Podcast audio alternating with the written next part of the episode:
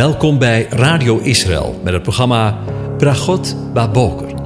Een kort ochtendprogramma waarin een gedeelte uit de Bijbel wordt gelezen en besproken. Met Bragot Baboker wensen onze luisteraars zegeningen in de ochtend. Presentator is Kees van de Vlist.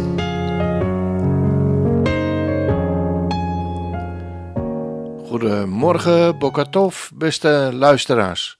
Vanmorgen denken we weer verder na over Psalm 105 en ik lees de versen 16 tot en met 22 aan je voor. Hij, dat is de Heere, dat is JHWH, riep een hongersnood over het land af. Hij liet het volledig aan brood ontbreken. Hij zond een man voor hen uit, Jozef. Hij werd als slaaf verkocht. Men drukte zijn voeten vast in de boeien. Hij zelf kwam in de ijzers. Tot de tijd van zijn woord uitkwam, heeft de belofte van de Heere hem gelouterd. De koning stuurde bode en liet hem vrij. De heerser van de volken liet hem los. Hij stelde hem aan tot heer over zijn huis, tot heerser over al zijn bezit, om zijn vorsten zijn wil op te leggen en zijn oudsten wijsheid te leren. Tot zover. Over honger en brood gesproken. In de voorgaande uitzending hebben we ook al bij dit thema stilgestaan. En zagen we dit patroon van honger en brood, van honger en verzadiging eerder in de Bijbel. Dat wat het volk van Israël in Egypte in de geschiedenis met Jozef meemaakte, verdrukking en loutering, daar profeteert, zoals we de woorden van Malachi lezen, opnieuw van. Maar de loutering staat niet op zichzelf, maar loopt in Exodus uit op een ontmoeting met koning Jozef. En wat een geweldige ontmoeting was dat wel niet voor de broers van Jozef. Maar ook de profetie van Malachi is niet gericht op het louteren van het volk Israël, maar ook die loopt uit op een nog geweldiger zegen voor het volk Israël. Want zullen we eens verder luisteren naar wat Malachi daarover zegt. Want ik, staat er in vers 6, de Heere, ben niet veranderd. U, kinderen van Jacob, bent daarom niet omgekomen. Sinds de dagen van uw vader bent u afgeweken van mijn verordeningen en hebt u ze niet in acht genomen. Keer terug naar mij en ik zal naar u terugkeren, zegt de Heere van de legermachten. Maar u zegt, in welk opzicht moeten we terugkeren? Zou een mens God beroven? Werkelijk, u berooft mij. En dan zegt u, waarvan beroven wij u? Van de tiende van het hefover. U bent door de vloek getroffen, omdat u mij berooft als volk in zijn geheel. Breng al de tienden naar het voorraadhuis, zodat er voedsel in mijn huis is. Beproef me toch hierin, zegt de Heere van de legermachten, of ik niet de vensters van de hemel voor u zal openen en zegen over u zal uitgieten, zodat er geen schuren genoeg zullen zijn. Ik zal ter wille van u de kaalvreter bestraffen, zodat hij de vrucht van de aardbodem bij u niet te gronde richt, en de wijnstok op het veld bij u niet zonder vruchten zal blijven, zegt de Heer van de legermachten. Alle heidevolken zullen u gelukkig prijzen, want u zult een aangenaam land zijn, zegt de Heere van de legermachten. God zendt tegenspoed in het leven van de gelovigen, omdat Hij plannen van zegen in zijn leven wil uitwerken zegt Romeinen 8, vers 28. Hij heeft Jozef voor de broers en voor hun hele familie uitgezonden, zoals we lazen in vers 17 van Psalm 105. En zoals Jozef zelf ook later getuigt. De psalmist beschrijft de weg waarop God dat heeft gedaan. Het is een weg van diepe vernedering. Het begon met zijn verkoop als slaaf. En we weten het verslag uit Genesis 37, dat zijn broers hem hebben verkocht. Dat wordt hier niet vermeld. Het gaat hier om de weg die God had bepaald voor de man die zijn volk van brood zou voorzien. Nadat Jozef door zijn broers als slaaf was verkocht, kwam hij in Egypte en in de gevangenis terecht. Hier wordt gezegd wat dat betekende. Men drukte zijn voeten vast in de boeien.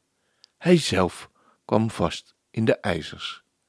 Lazen we in vers 18 van Psalm 105. Dat lezen we niet in Genesis 39. Daar lezen we over zijn trouw aan God, die hem in de gevangenis deed belanden. In Genesis 39, vers 7 tot 20 kunnen we dat lezen. Hij werd als een grote misdadiger met zijn voeten in de boeien gedrukt, zodat hij niet kon lopen.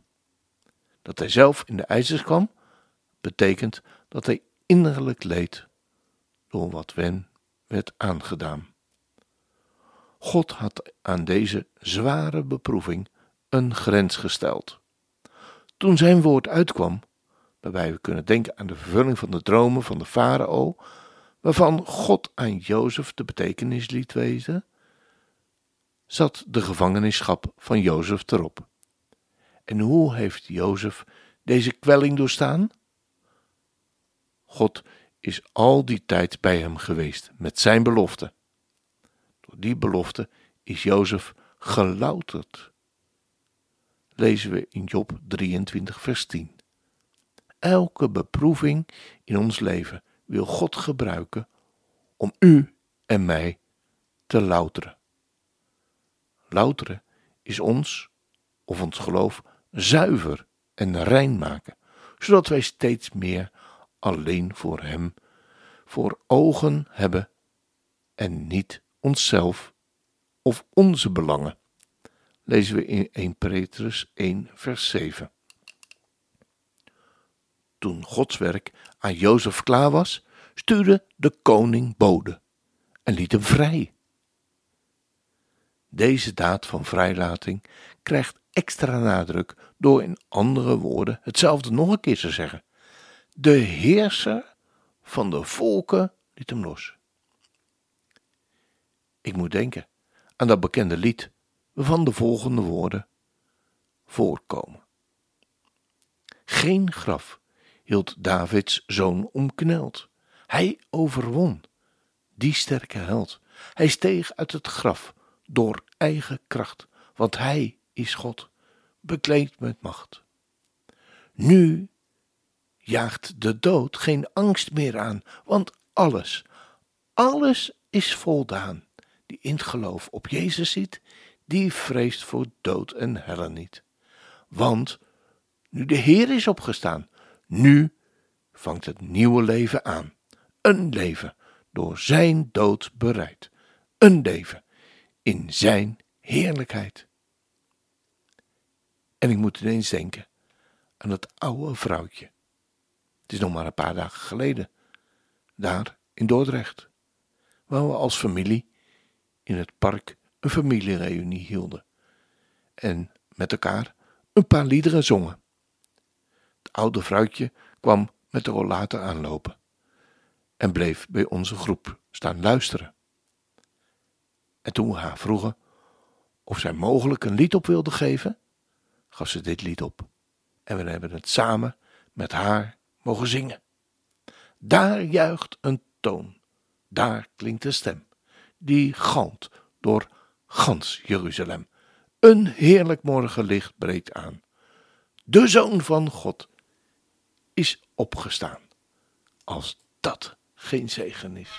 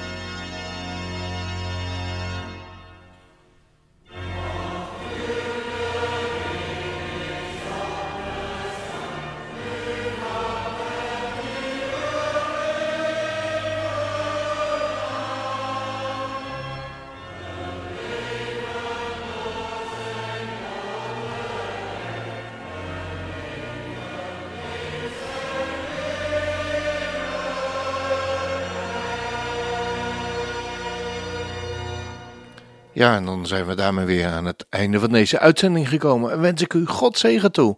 De Heer zegene en hij behoedt u. De Heer doet zijn aangezicht over u lichten en zij u genadig. De Heer verheft zijn aangezicht over je en geeft je zijn shalom, zijn vrede. Amen.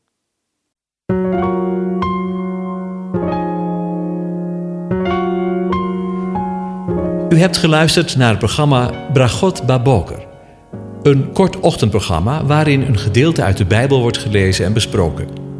Wilt u het programma nog eens naluisteren, dan kan dat. Ga naar radioisrael.nl en klik onder het kopje radio op Uitzending gemist.